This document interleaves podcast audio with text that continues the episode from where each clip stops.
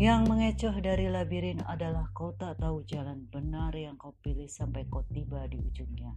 Bila kau telah salah memilih jalan, biasanya sudah terlambat bagimu untuk kembali dan memulai lagi. Itulah masalah dengan labirin.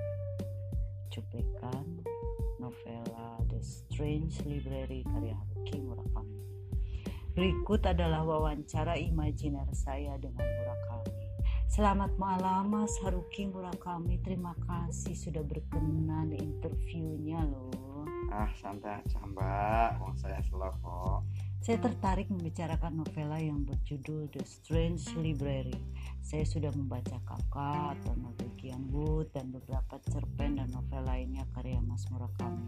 Menurut orang-orang, judul-judul tersebut adalah karya yang punya daya hook hebat buat saya sih tetap lebih gerem Pak Budi Dharma Eh, sopo? Beliau sastrawan kami mas yang seharusnya layak dapat nominasi Nobel Tapi berhubung sastrawan Indonesia sibuk jadi jago kandang daripada merintis silaturahmi internasionalnya Jadinya nggak nyantol-nyantol Alah, kok usah curhat santai mbak. Kadang masuk nominasi atau menang Nobel ada alasan politis juga kok. Panitiane ngono lah lah. Kita kembali sajalah ke novela Anda ya mas Wah, ini ini bener ini.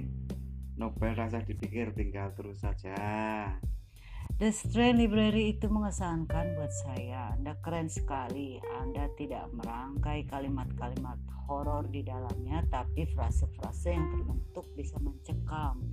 Sejauh ini, The Strange Library karya terbaik Anda, Mas, menurut saya. Memang saya belum baca semua karya Mas Murakami, tapi ini keren, Mas. Sek sek apa lagi ya? Sing ditoh? Ini novela terbit pertama 2005 di Jepang tentang seorang anak yang mengembalikan pinjaman bukunya di perpustakaan. Lalu ketika ia ingin meminjam judul lain, dia malah disuruh masuk ke bagian dalam perpustakaan yang digambarkan begitu mengerikan. Ada labirin dan penjara dan penuh tekanan mental. Terus? Anda keren sekali menggambarkan karakter tokoh si anak di sini. Saya terpesona kepolosan dan rasa takut si anak yang digambarkan di situ. Rasa takut yang bercampur dengan fantasi konyol. Itu brilian menurut saya. Rasa takut memang begitu adanya. Bentuknya kadang melampaui imajinasi. Untuk mengurai lapisan ini, saya akui Anda sehebat Pak Budi. Wah. Aku pas ngapain pengen itu ya lupa ya aku mbak. Terserah lah mas tapi serius ini keren banget saya pikir cuma Pak Budi Dharma seorang di dunia ini yang mampu melakukan pengembangan imajinasi karakter sesabar itu. Ternyata Mas Murakami nyampe juga. Anda sabar betul membangun plot dan karakter yang pelan dan lembut sekali dan berjenjang sampai saya merasa menjadi anak itu. Apalagi ketika Anda split dari manusia domba lalu gadis cantik. Itu gila sih dan di ujung cerita pun mulus dapat menyentuh. Banyak sekali dimensi makna yang dimainkan di novela ini, Mas.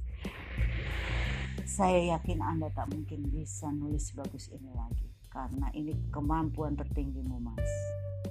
Bentar, bentar. Itu tidak cantik juga ya. Neng. Kenapa ya, Mas? Oh. Situ suka daun muda ya, Mas. Mau lanjut ngono mbak Ella. Terima kasih ya, Mas, atas interview interviewnya. Lah, wis rampung toh. Hilang moodku, Mas. Mau tidur saja lah. Siapa tahu bangun jadi daun muda. Nesu mbak E.